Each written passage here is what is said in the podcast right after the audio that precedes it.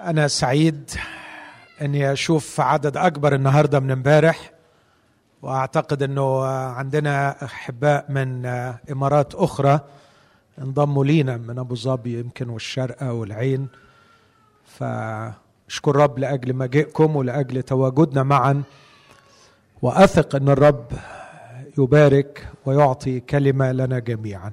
أمين. الشعار السنة دي في هذه الكنيسة لهذا المؤتمر هو آه مش هنا في القاعة اللي هناك. كفاكم قعود. آه فأنا حابب أقرأ مع حضراتكم جزئين من كلمة الله وعندي تقليد مش محبب عند البعض لكن أرجو أنكم تحتملوه إن إحنا نقف وإحنا بنسمع كلمة الرب. هقرأ من سفر التثنية الأصحاح الأول والأصحاح الثاني. سفر التثنية أصحاح واحد ثم أعداد من أصحاح اثنين.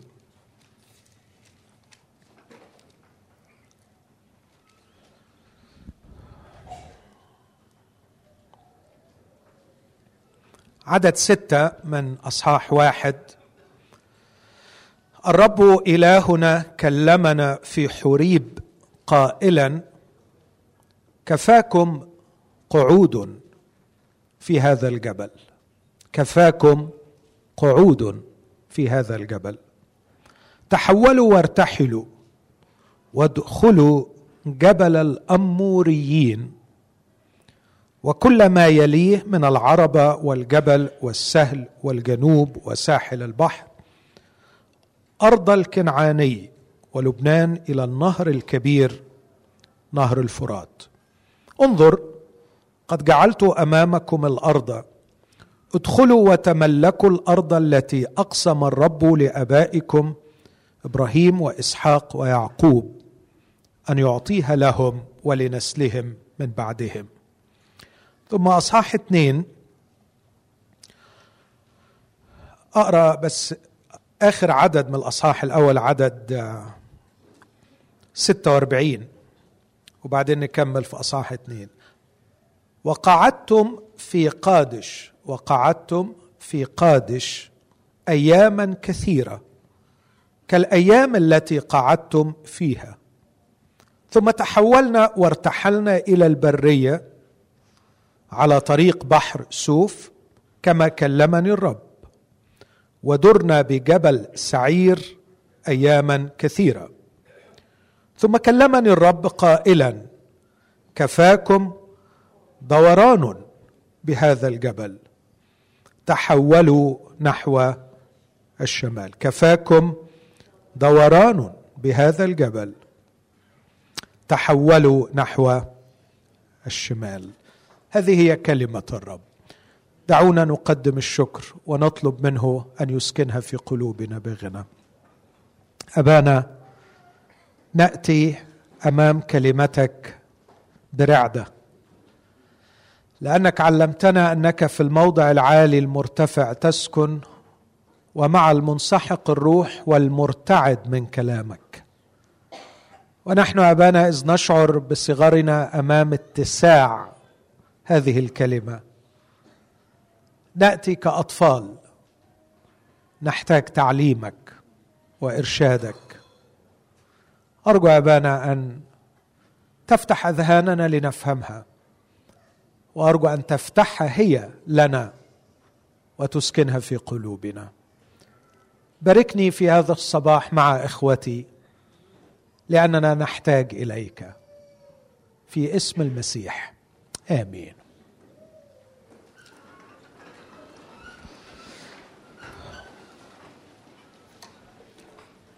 في ملاحظتين في البداية حابب أقولهم. قبل ما أقدم في هذا الاجتماع بعض التعليقات. هو في نور حضرتك جاي في عيني جامد شوية متشكر آه الاجتماع ده والاجتماع القادم هتكلم شوية عن النص ده وبعدين آه نشوف بكرة الرب يدينا إيه في نفس الاتجاه. لكن الملاحظتين اللي في البداية اللي حابب أركز عليهم. أتمنى إنهم يكونوا أساس شوية لتعاملنا مع آه، الموضوع بتاع المؤتمر كفاكم قعود أو كفاكم دوران. الملاحظة الأولى قضية بني إسرائيل وقصة خلاصهم.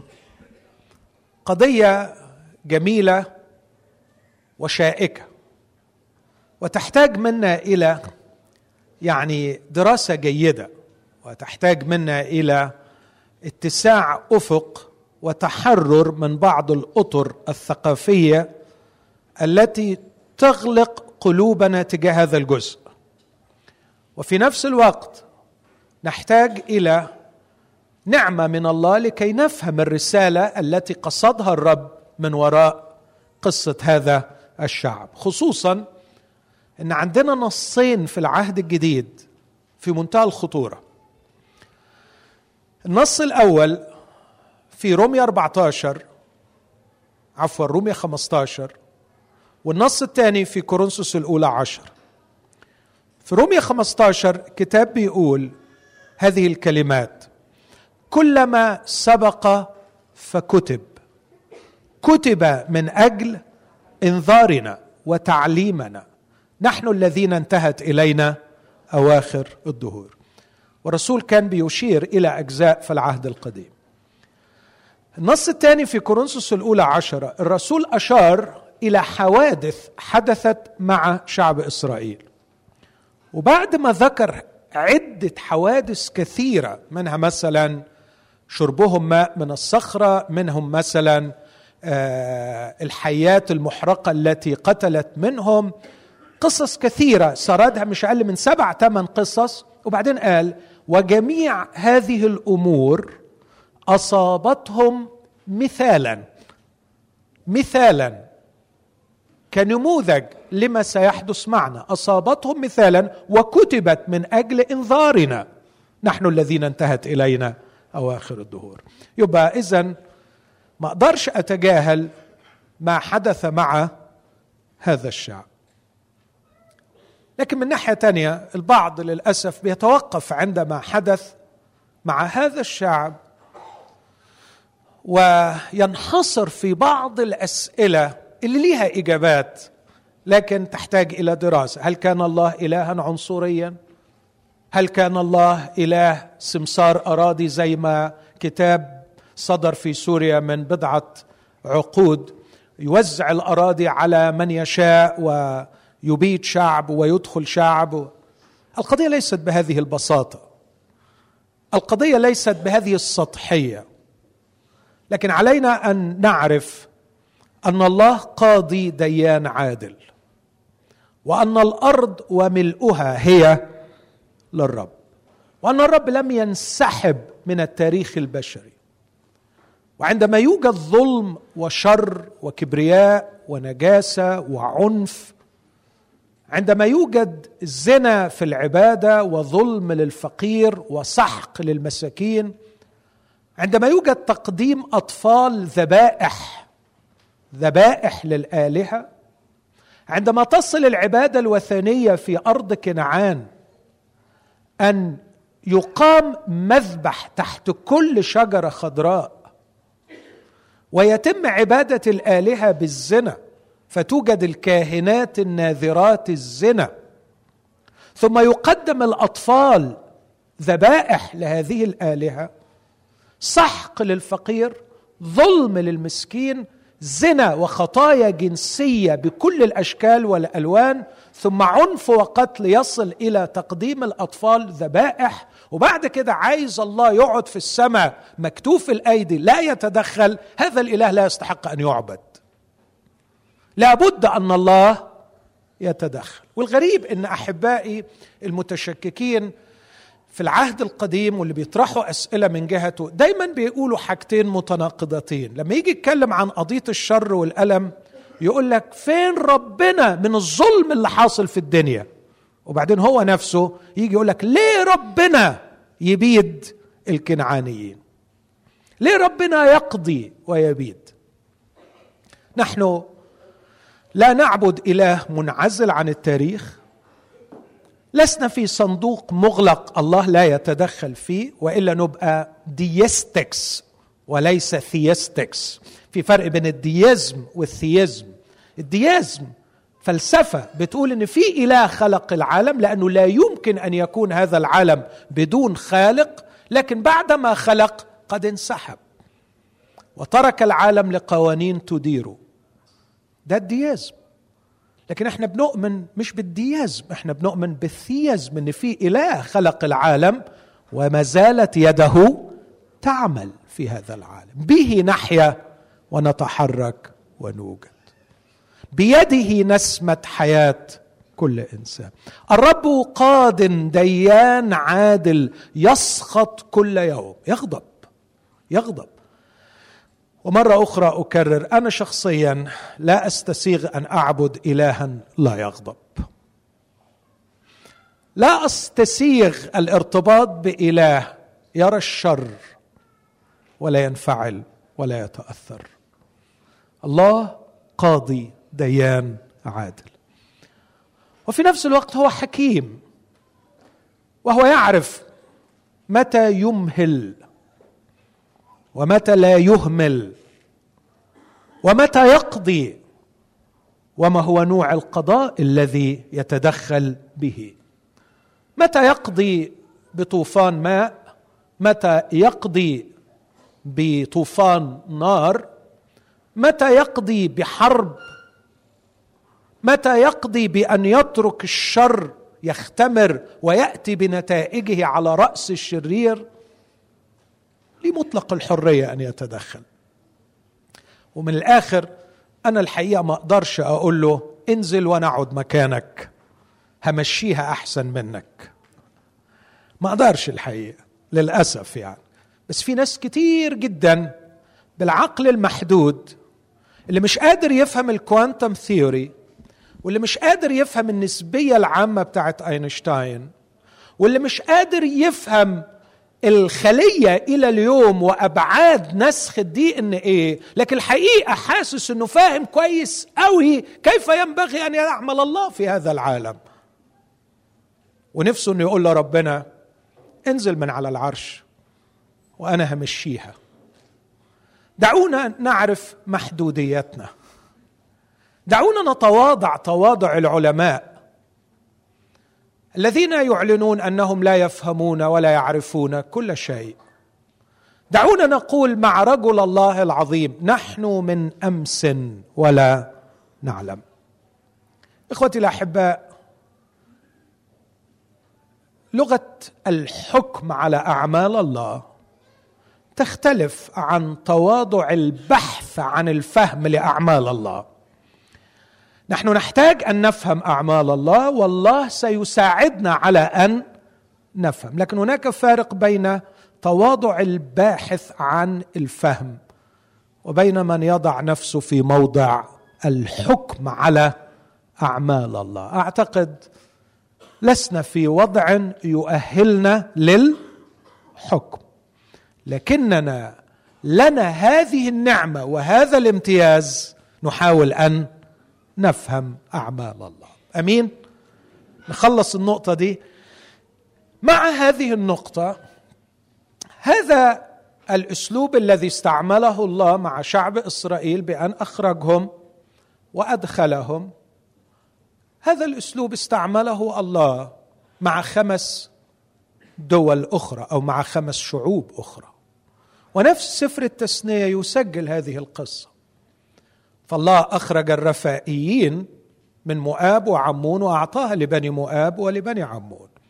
والله أخرج الفلسطينيين من كفتور وأعطاهم أرض الفلسطينيين. والله أخرج السوريين من قير وأعطاهم أرام. والكتاب يسجل هذا الكلام. وفي سفر عموس اصح تسع عدد خمسة الكتاب يقول إن عيني الرب على المملكة الخاطئة لكي يبيدها. فكان هذا الأسلوب ليس بدعة ابتدعها الله من أجل هذا الشعب. لكن كان منهج عام استعمله الله مع كثيرين في ذلك الوقت. كمان شيء ثاني هذا الأسلوب ليس هو طابع الله في كل التاريخ البشري. لكننا نعلم أنه بمجيء يسوع المسيح. هناك نظام جديد وأسلوب جديد ومرحلة جديدة في التاريخ البشري. حتى أن الرب يسوع أعلن في مجمع الناصرة أنه جاء لكي يكرز بسنة الرب المقبولة ثم طوى السفر وكانت الكلمة التي ينبغي أن يقرأها والتي لم يقرأها وبيوم انتقام لإلهنا. فقد أجل يوم الانتقام. لكن قبل مجيء المسيح كان الله يتدخل بالقضاء ولا يمهل المملكة الخاطئة. فالله مش بيتعامل بأسلوب واحد في كل التاريخ البشري لكنه عادل في كل الأساليب التي يستعملها. أعتقد أن المقدمة دي يعني إلى حد ما ضرورية شوية علشان لما أتكلم عن السفر ده أنا خايف أكون بتكلم عن أشياء روحية وفي حد من حبايبي سرحان في هذه القضايا وقافل مخه مش عايز يقبل من أصله كلام علشان القصة عنده مقفولة. فأتمنى من قلبي إن شوية الملاحظات البسيطة دي تفتحك لقبول كلمة الله. يمكن كمان أقول ان الروح القدس هنا زي ما يكون عمل زومينج على هذا الشعب وسجل القصة بتاعتهم لما فيها من دروس نحن نحتاج إليها. لكن هذا لا يعني ابدا أن بقية الجنس البشري لم يكن الله يتعامل معهم. كان الله يتعامل مع كل الجنس البشري ولله تاريخ طويل مع كل شعب من شعوب الأرض لكن الكتاب المقدس سجل فقط قصة هذا الشعب لما لها من ارتباط عميق بشخص يسوع المسيح ولما فيها من نماذج وأمثلة لاختبارنا نحن الآن. أمين؟ نقفل الملف ده. طيب. مقدمة تاني صغيرة. إخوتي الأحباء هفضل أعيد وازيد واصرخ كتير وأقول يوجد عالم روحي يوجد عالم روحي. ده على فكرة مش ابتداع مسيحي. لا يوجد الآن على وجه الأرض إلا الماتيريالستكس الملحدون الماديون الذين يرفضون وجود عالم روحي. لكن من أيام فلاسفة اليونان ومن أيام قدماء المصريين والحضارة البابلية وكل الحضارات وإلى اليوم يؤمنون أن ما تراه العين ليس هو كل الحقيقة. يوجد عالم روحي. ولما نقول في عالم روحي في الله في ملائكة في شياطين. والملائكة مش كائنات بيضاء بجنحه والشياطين مش كائنات سودة بقرون. من فضلكم. دعونا يعني نتجرد من هذه المفاهيم السطحية التي أراها مدمرة لفهم الحقيقة. نحن نتكلم عن عقول واعية مبدعة مفكرة ولها تداخل مباشر في واقع البشر. لما نقول في ملائكه يعني في كائنات عاقلة بتتدخل في التاريخ البشري تحت إدارة الله. لما بنقول في شياطين في أرواح شريرة عاقلة بتتدخل في التاريخ البشري ضدا لله. أعتقد سفر أيوب مهم قوي في هذا الجانب. أليس لأنك سيكت حوله وحول بيته وحول كل ما له من كل ناحية. هذا السياج الإلهي أكيد كان سياج من؟ ملائكة.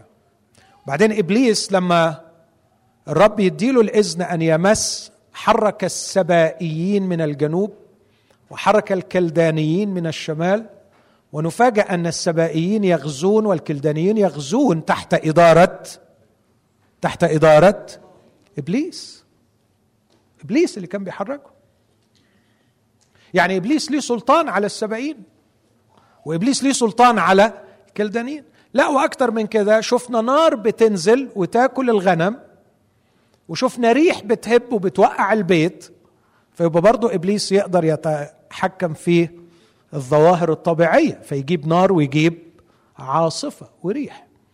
فأرجو إن إحنا بدون تطرف وأن ننسب كل شيء للعالم الروحي لكن من الجانب الآخر أراه شيء من الخطورة الشديدة على الإنسان أن نتجاهل وجود عالم روحي.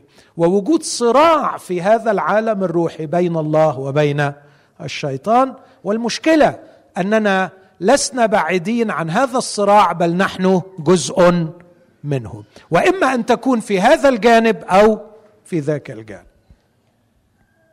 ده يعني مش باختيارنا. ليه بقى القصة دي؟ صدقني ما أعرف. ليه ربنا عمل حاجة اسمها ملاك والملاك يقع ويبقى شيطان ويدخلنا في الدايلما دي؟ صدقني ما أعرف. صدقني فعلا ما أعرف. ما أعرف. قصة كبيرة قوي آه. فيها حاجات سخيفة آه. فيها حاجات مفهومة آه. فيها حاجات مش مفهومة آه طبعا آه طبعا قوي قوي قوي قوي لا خلينا أقول معظمها مش مفهوم. وبعضها مفهوم بس أعتقد أن ما هو مفهوم فيها يكفينا لكي نتخذ القرارات الصحيحة في هذه الحياة. وأعتقد أن الكتاب المقدس مرشد كبير لينا في هذا الأمر. على ضوء هذه الخلفية من وجود عالم روحي من وراء الستار ووجود تعاملات إلهية مع كل الجنس البشري لكن في تعاملات خاصة مع شعب إسرائيل. دعوني أقترب معاكم إلى الآيتين دول اللي قريتهم من تثنية واحد وتثنية اثنين. وبعدين نشوف إزاي الآيتين دول ليهم يعني آه، أو آه، نموذج قوي جدا ولينا فيهم إحنا دروس في هذه الحالة اللي إحنا فيها في الواقع بتاعنا في سنة 2016 خرج شعب إسرائيل من أرض مصر. وكان في بعد بالارتباط بالعالم الروحي إن العشر ضربات كانت مصممة طبقا لكلام الرب أن يصنع احكاما مش بالمصريين لكن اللي قاري الكتاب بآلهة المصرية. هناك عداوة بين الرب وبين الأوثان. والرسول بولس كشف إن ما يذبحه الأمم للأوثان إنما يذبحونه للشياطين. وكانت الآلهة بأشكال مختلفة. كان النيل إلها كانت الضفدعة اله كان في أشياء كثيرة تعبد السماوات تعبد نجوم تعبد القمر يعبد.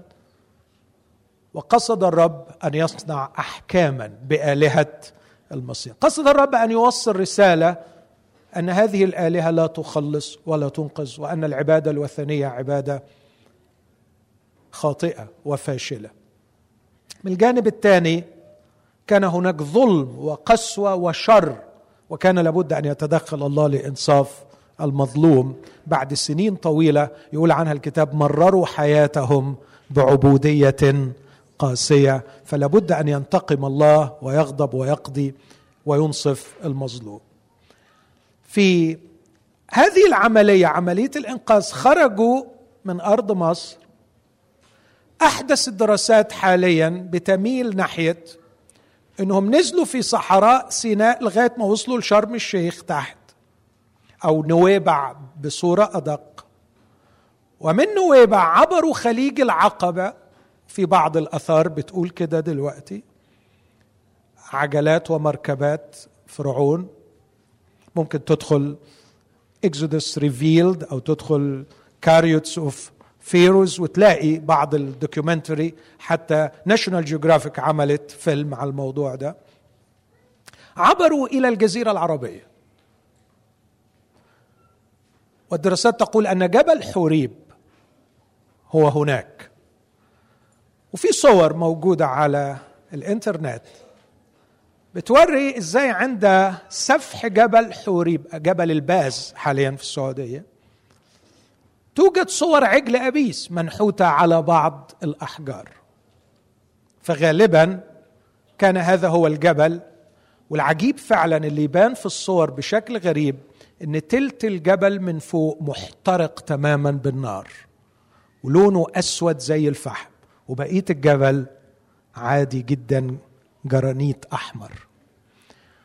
وأعتقد أن ده يتماشى مع القصة الكتابية أن الرب عندما نزل على الجبل كان الجبل يحترق بالنار.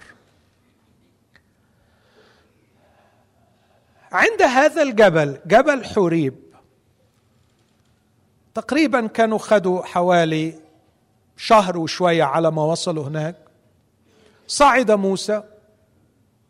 قعد أربعين يوم نزل بحجري الشريعة حدثت عبادة العجل كسر موسى اللوحين صعد مرة أخرى نزل تاني وبعدين نزل بتعليمات خيمة الاجتماع ونصب خيمة الاجتماع وصلنا لسنة كاملة في المنطقة دي.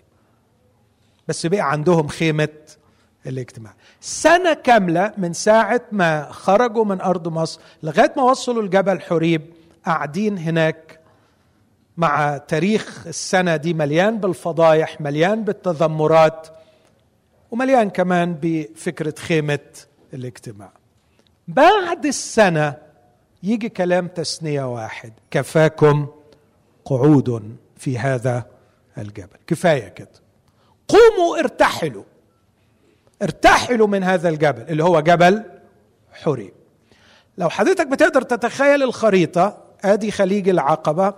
عند نهاية خليج العقبة في المملكة العربية السعودية يوجد هذا الجبل وفي آثار كثيرة بتقول ابتدوا يرتحلوا يصعدوا إلى الشمال بمحاذاة خليج العقبة لفوق. قعدوا يرتحلوا وفي ظرف شهور ليست بكثيرة كانوا وصلوا إلى جبل سعير ومنطقة اسمها قادش. يعني وصلنا إلى الأردن تقريبا يعني عند منطقة العقبة. وعند جبل سعير لما وصلوا هناك بشرهم الرب بهذه البشارة. جاء الوقت لكي تدخلوا وتمتلكوا الأرض. ادخلوا وامتلكوا. لكنهم اقترحوا اقتراح. قالوا نبعت جواسيس.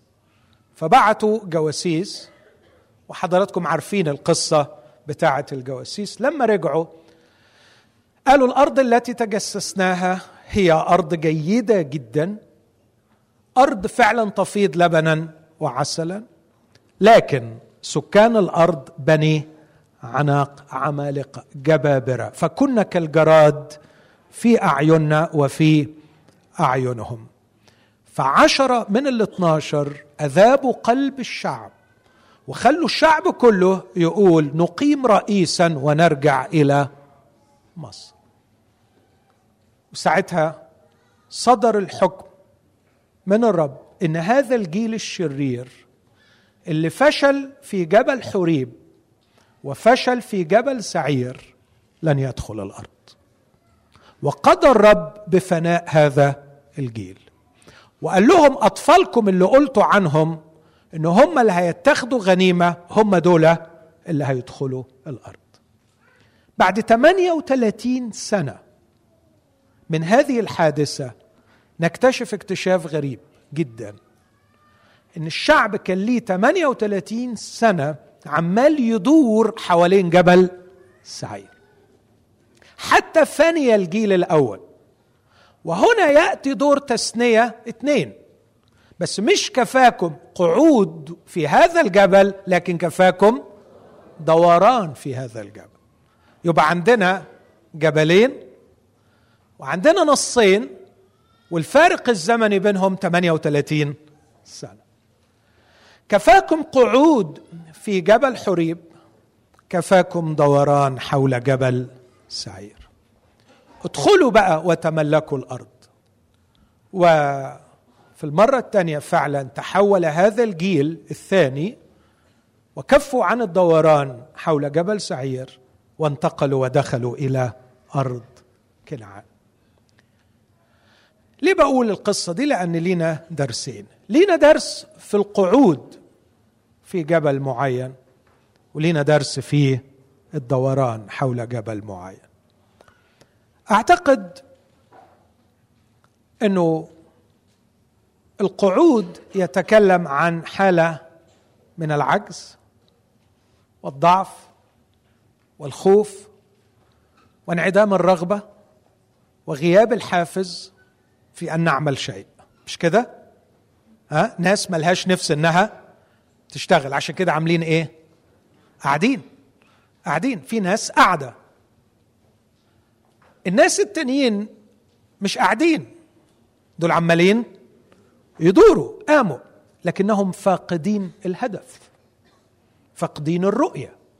عشان كده عمالين يدوروا.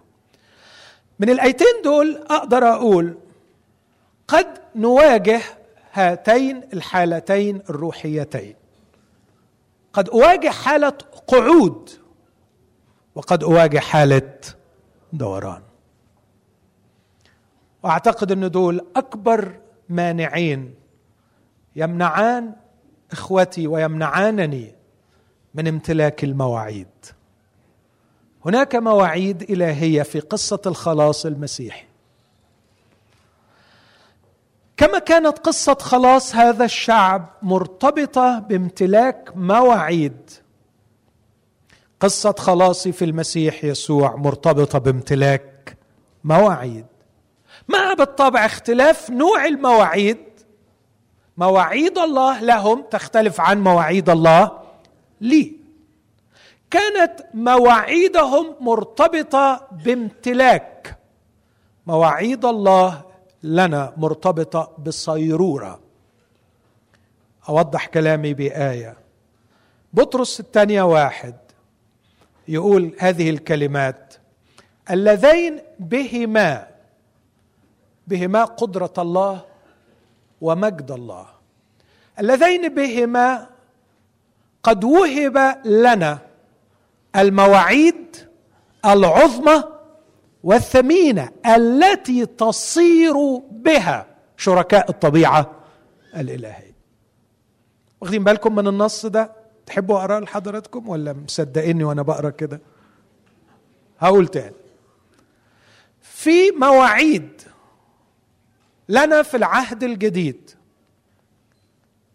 طبعا أنا لو سبت روحي أسرح ناحية المواعيد المختلقة من الكتاب. كل واحد مطلع مواعيد زي ما هو عايز. الوشفول ثينكينج كله بيتحول إلى مواعيد. تقرأ من أي حتة وتطلع مواعيد. بس دي عايزة وعظة لوحديها وهتبقى وعظة دمها تقيل فمش وقته دلوقتي لأنه يعني هنكد على ناس كتير لو وعظت الوعظة دي. كل واحد بيقرأ أي حاجة وبيحط عليها اللي نفسه فيه. ما انساش ابدا ابدا. شاب كل ظروفه ما تنفعش للجواز ما تنفعش ابدا للجواز. وبعدين في ترتيب معين الكتاب قاله يعني يعلم الواحد إزاي يتجوز يعني. يعني مثلا في أمثال 24 يقول هيئ عملك في الخارج أعده في حقلك وبعده تبني بيتك. يعني ما ينفعش تتجوز وأنت مش لاقي شغل. مظبوط ولا مش مظبوط؟ منطق يعني تيالي. منطق سليم كومن سنس صحيح وكمان آية كتابية ما ينفعش. ربنا قبل ما يجوز آدم خلاه اشتغل عمل له شغله. ف... ف... يعني. فهو صاحبنا جاي بيقول لي أنا خلاص اتقدمت. قلت له حبيبي طب أنت مش لاقي شغل. قال لي لا ما أنا فتحت الكتاب والإيد فينا حامية ولتعطى النفقة من بيت الملك. فخلاص. فالرب فأنا هتقدم والملك هيبعت إن وطبعا الملك ما بعتش حاجة ودخلنا في مشكلة والدنيا عكت. فده أسلوب لكن ده مش موضوعي. المواعيد في العهد الجديد تختلف عن المواعيد في العهد القديم. المواعيد في العهد القديم للامتلاك المواعيد في العهد الجديد للصيرورة. المواعيد في العهد الجديد ليست شيء يعطى في يدك بل شيء تكون في شخصيتك. المواعيد في العهد الجديد ليست أرصدة في البنوك وليست صحة في الجسد لكن المواعيد في العهد الجديد أن أتغير إلى تلك الصورة عينها. المواعيد في العهد الجديد تصير بها نص واضح.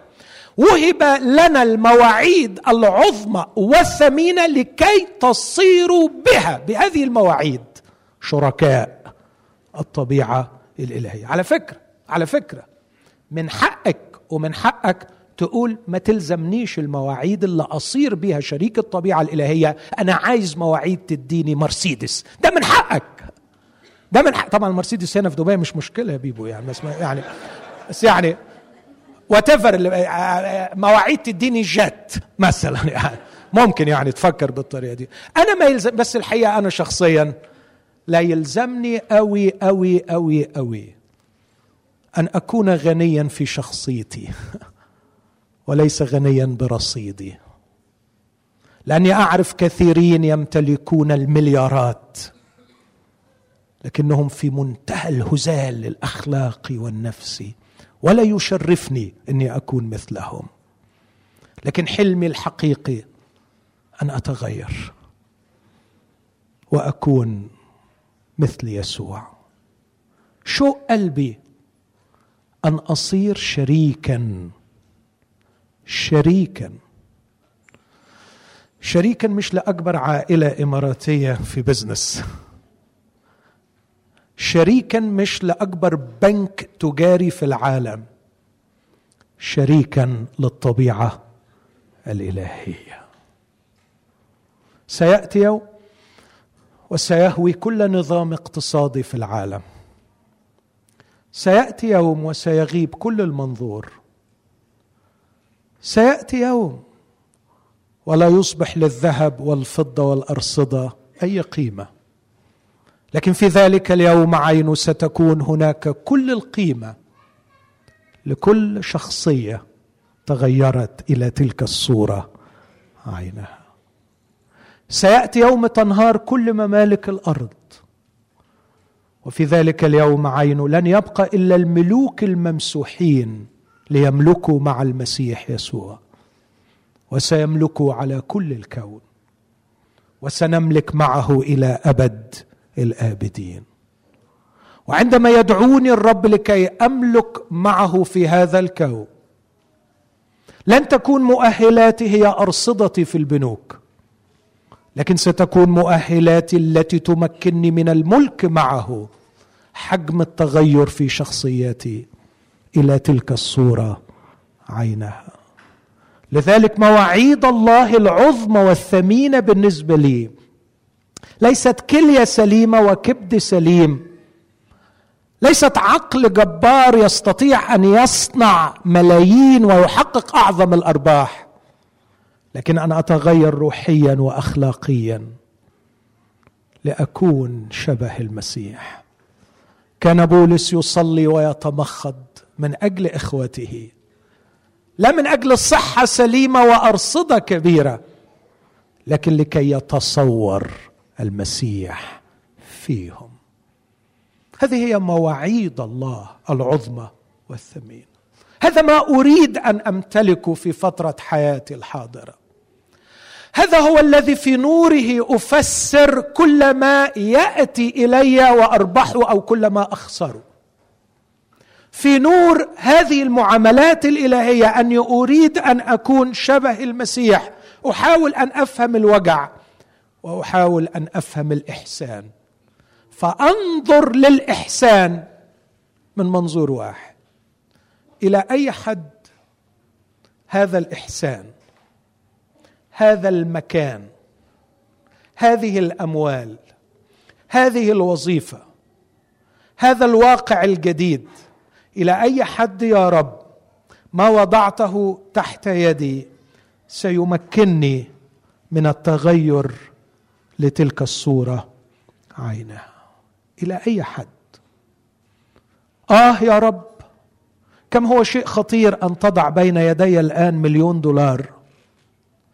دون أن أعرف كيف سيغيرني المليون إلى شبه المسيح. لأني عندئذ لا أستبعد إن هذا المليون يدمر حياتي ويأخذني بعيدا عن المسيح. وعندما اكتاس في ضيق أو وجع شديد لا أبدأ بالحزن والخوف. لكن أسأل أبسط سؤال. يا رب إلى أي حد سيسهم هذا الوجع أو هذا الحرمان في تغييري من الداخل وما أصعب تغييري من الداخل؟ لكي أكون مشابها. صوره المسيح. وإذا كشف لي الرب أن هذا الوجع سيغيرني ويجعلني أكثر حبا وتواضعا وأمانة وشجاعة وضبطا وحكمة. سأقبل وجعي وسأحتضن وجعي بحب ولن أختصم حرماني وألمي لكني سأتصالح مع الوجع طالما أنه يغيرني إلى صورة المسيح. واثقا في نفس الوقت في حكمة إلهي ورحمته أنه لن يدعني أجرب فوق ما أستطيع أن أحتمل وأنه مع التجربة يجعل هناك منفذا. لكي أستطيع مش إني أخرج لكن لكي أستطيع أن أتحمل. ثقل النار الممحصة التي تغيرني من الداخل. إخوتي الأحباء ما أسهل أن تجد إنسانا رب متأسف هرجع مش ما أسهل لكن ربما تجد إنسانا يساعدك على تغيير وضعك من الخارج. صح؟ اللي ساعدك وجاب لك عقد في الإمارات غير وضعك ولا ما غيرش؟ غير وضعك بلا شك. ممكن تلاقي من يغير لك وضعك من الخارج لكن أتحداك أتحدى أي شخص إنه يقول لي في شخص يقدر يغيره من الداخل. يتغير وضعك من الخارج مرة ومرات وتظل كما أنت من الداخل.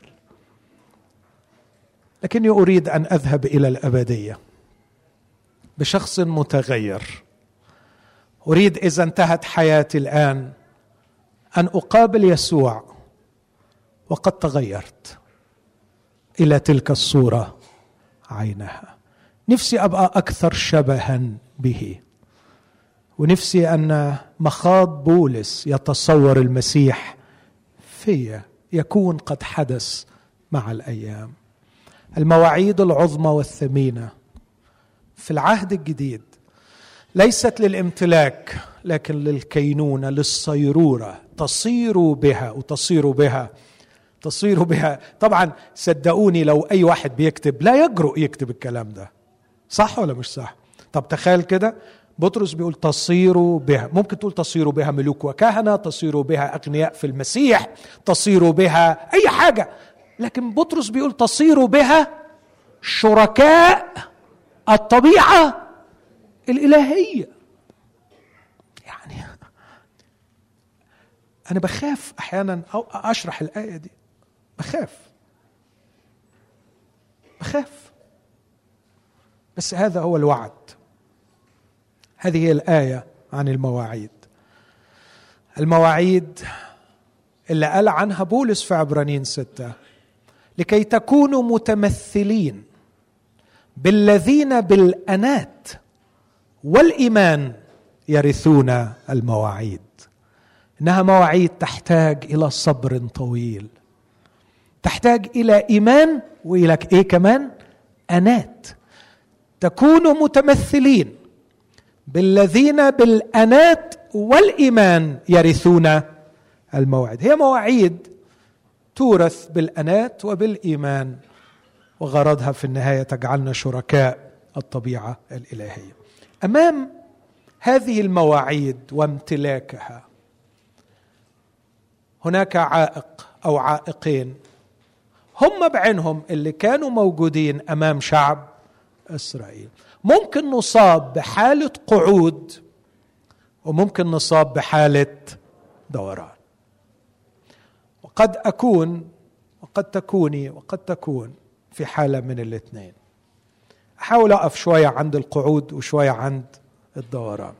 حالة القعود لماذا قعدوا عند جبل حريب. ليه قعدوا عند جبل حريب؟ لدرجة أن الرب يقول لهم كفاكم قعود في هذا الجبل.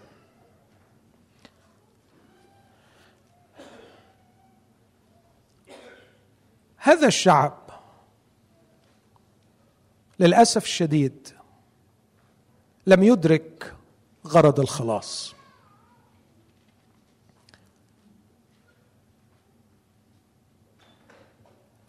مش عايز آخد وقت طويل لكن أرجوكم لما تروحوا النهارده اقروا سفر الخروج أصحاح 12 سفر الخروج أصحاح 12 هو قصة خروف الفصل. أنا ليه قد إيه بتكلم يا سيسونسي عشان سرق أنت قعدت الساعة كام يا بيبو؟ إلا ربع؟ يعني خلاص أنا فاضل لي عشر دقايق. حاضر.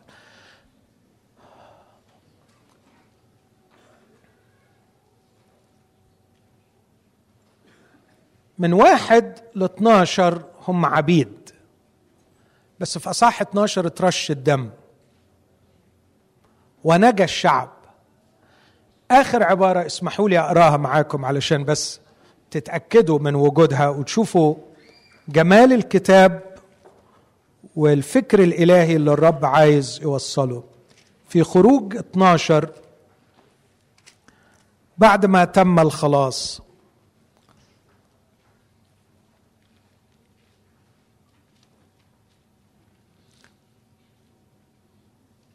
وفي أكثر. خلينا أقرأ كمان عدد 41 خروج 12 41 تم الفداء بالدم. يقول وكان عند نهاية أربعمائة وثلاثين سنة في ذلك اليوم عينه أن جميع أجناد الرب خرجت من أرض مصر. العبيد دول باسمهم إيه دلوقتي؟ أجناد الرب. آخر عدد عدد واحد وخمسين. وكان في ذلك اليوم عينه أن الرب أخرج بني إسرائيل من أرض مصر بحسب أجنادهم. بمجرد ما تم الفداء تحول الشخص إلى جندي. ولما نقول جندي يعني في معركة يعني في رئيس يعني في غرض يعني في حرب يعني في موضوع كبير. والحقيقة كان موضوع كبير. كان موضوع كبير إن في أرض جنبيكم صارت منبع لإغاظة الرب بشكل مخوف بشكل مرعب. كل يوم يصعد من هذه الأرض صراخ الأطفال المذبوحين يرى ترى عينا الرب قبح الزنا والشر والنجاسة وكل أنواع الشرور توجد بقعة على الأرض مملوءة بالشر والنجاسة تغيظ الرب كل يوم. والرب يريد أجناد يهدموا حصون الشر يهدموا كل علو يرتفع ضد معرفة الله. يريد الرب أن ينقي هذه الأرض من الشر مستخدما إياهم. بس ما ينفعش يدخلوا ويعملوا العملية الكبيرة دي إلا ناس مفديين بالدم. فأنا هفديكم بالدم وخلصكم من أرض مصر لكي تكونوا أجنادي الذين تعملوا معي لتحققوا قصدي وغرضي. تخرجوا معايا وتمشوا معايا واستخدمكم وأتمجد من خلالكم وأنا أراكم تهدمون حصونا وتهدمون كل علو يرتفع ضد معرفة الله. وأنا أراكم تزيلون الشر والخطية من بقعة معينة. نفس الكلام ده الرب عمله معانا إحنا. الرب أخرجنا من أرض العبودية مش علشان نتجدد ونتمدد لكن علشان نتجدد ونتجند علشان نتحول في نفس لحظة الخلاص إلى جندي صالح ليسوع المسيح. أقول مع بولس وإن كنا نسلك في الجسد لكننا لسنا حسب الجسد نحارب. إذ أن أسلحة محاربتنا ليست جسدية بل قادرة بالله على هدم حصون هادمين ظنونا وكل علو يرتفع ضد معرفة الله ومستأسرين كل فكر لطاعة المسيح. ده الغرض اللي من أجله خلصنا. دي الغاية من وراء الفداء بالدم. مش الغاية النهائية نتستت على الكراسي في الكنايس نرنم. وكل اللي بنعمله نشيد في ظهر نشيد في ظهر نشيد. حررني يسوع. يس حررني يسوع. بتحررني فور وات خلصني من عظيم بس خلصني الايه هو الأعظم؟ جابني من إيه نعمة كبيرة لكن جايبني الايه هي النعمة الأعظم. خلصت علشان إيه إيه اللي خلصت عشان إيه خلصت عشان استريح وأروح السماء هي دي النسخة الرديئة من الخلاص المسيحي. لا يا أحبائي لا يا أحبائي. إذا لم ندرك لماذا خلصنا ولم نتوقف عند فقط من ماذا خلصنا نحن لسنا بمسيحيين حقيقيين. خلصهم لكي يجعلهم أجناده يحققوا قصده مع فارق. كانوا هؤلاء أجناد الرب لتحقيق قصد مؤقت في مكان محدد. لكن إحنا لغرض أبدي في كل الكون. فسنكون رجاله وشعب الذي من خلاله يحكم إلى أبد الآبدين. يظهر في الدهور الآتية غنى نعمته الفائق باللطف علينا في المسيح يسوع. الكنيسة ستملك مع عريسها إلى أبد الآبدين. مش ملك أونطة مش ملك عيرة مش ملك منظر. مرات كده بنحس إنه حكاية نملك مع المسيح ونسود مع المسيح ونجلس على عروش ونلبس تيجان وأكاليل إنه دي عملية مسرحية تمثيلية علشان كده يعني نوع من التكريم لينا يعني. يعني ما أعتقدش إن ربنا بتاع تمثيليات على فكرة ولا بتاع حفلات تكريم ربنا بتاع شغل بتاع شغل.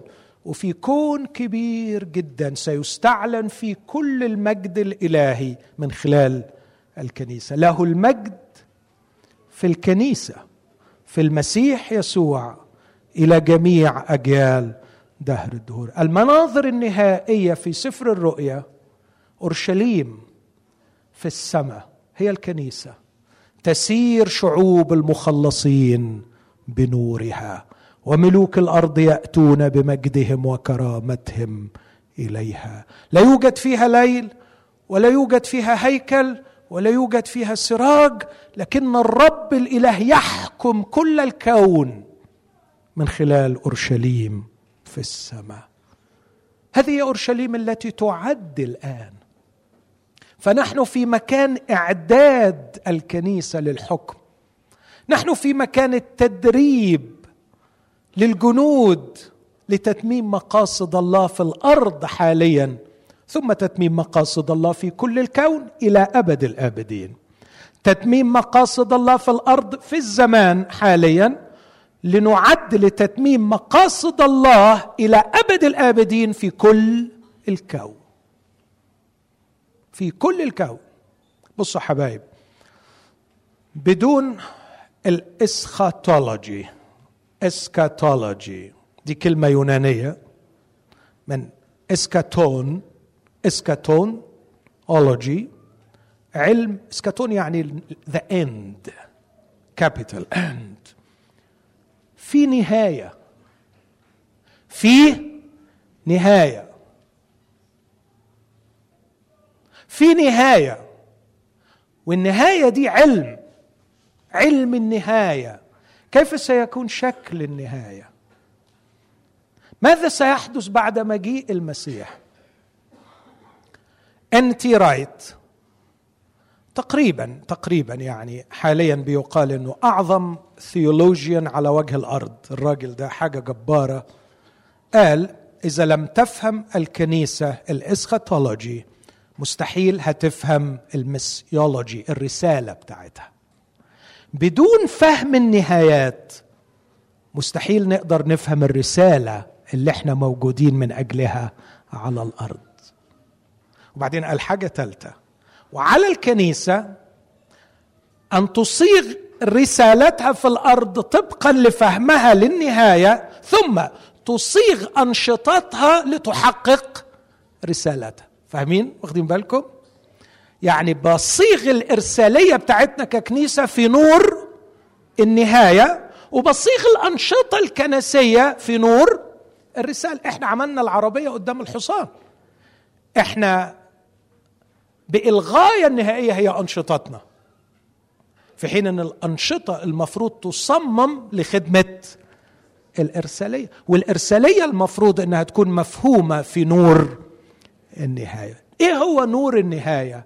الله سيحقق إلى أبد الآبدين مقاصده في كل الكون من خلال أشخاص مغسولين بدم المسيح.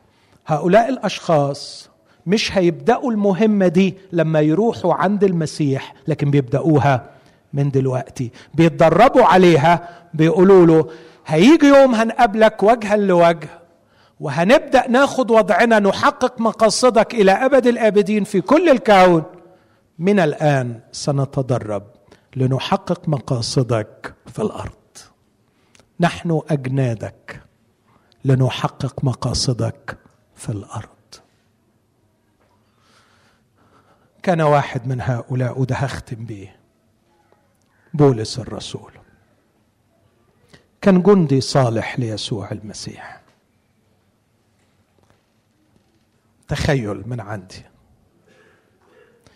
أول ما يعبر الحدود ويدخل أي بلد يحدث انزعاج مرعب في سلطات الظلمة المسؤولة عن ذلك المكان. كان بولس مسجل خطر في أقسام بوليس إبليس. كان بولس إرهابي مخرب على قوائم الممنوعين من الدخول والسفر عند مملكة الظلمة. لأن بولس كان يعرف لماذا هو هنا في العالم. كان يهدم حصون ويهدم ظنون ويهدم كل علو يرتفع ضد معرفة الله.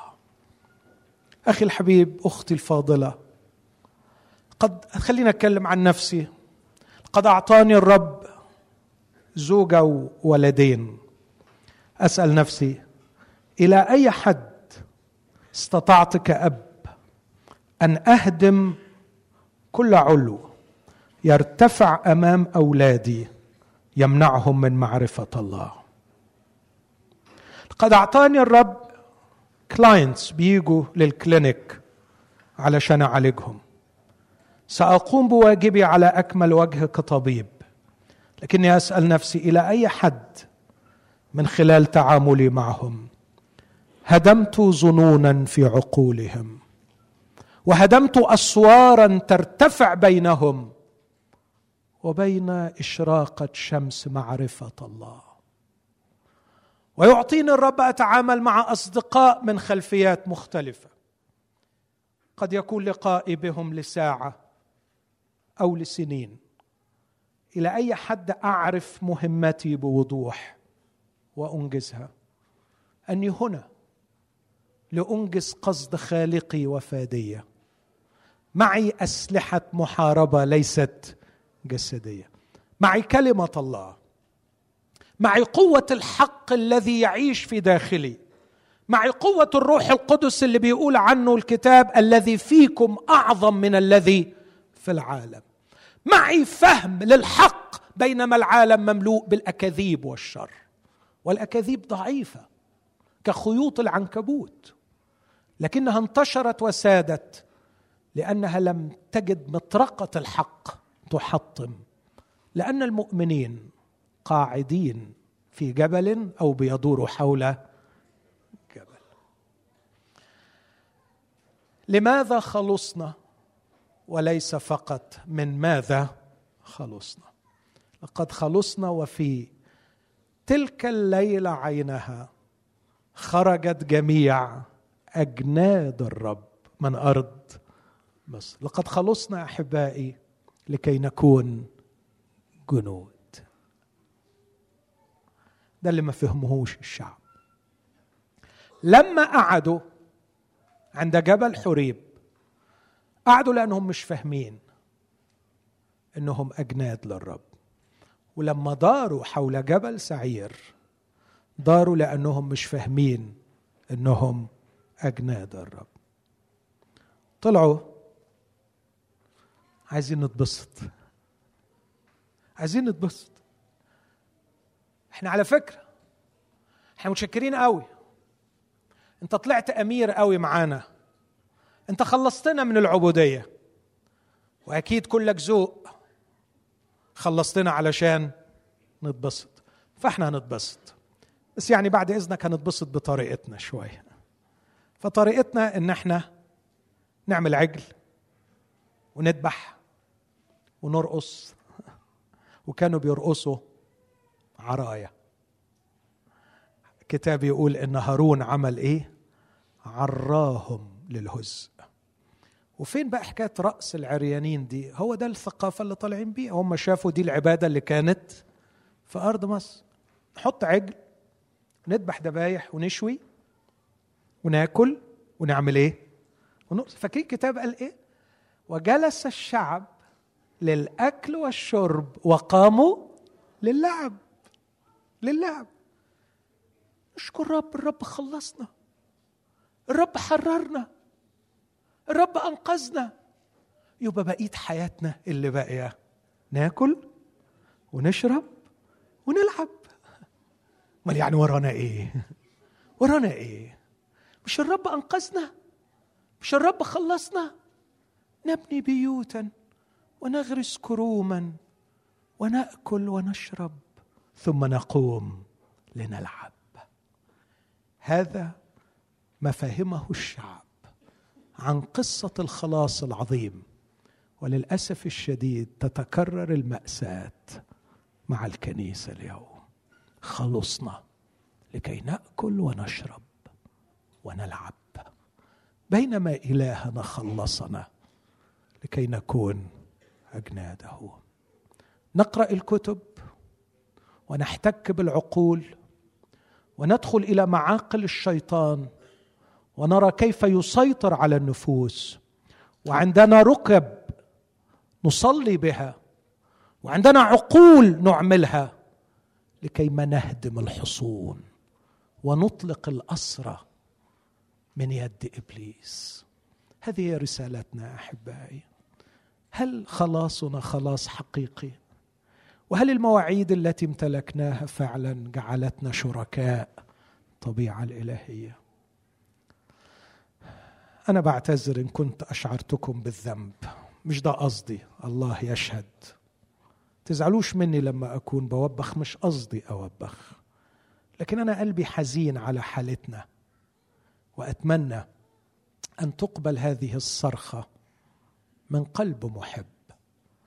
خلونا نقوم نتوب قدام الرب ونقول له اغفر خطياتنا وسامحنا يبدو يا رب إن إحنا فهمنا المواعيد غلط وفهمنا الخلاص غلط وفهمنا الحرية غلط وفهمنا شراكة الطبيعة الإلهية غلط. يا ما فهمناش إن لينا رسالة من أصله. ها صوتك يدوي في أعماقنا كفاكم قعود.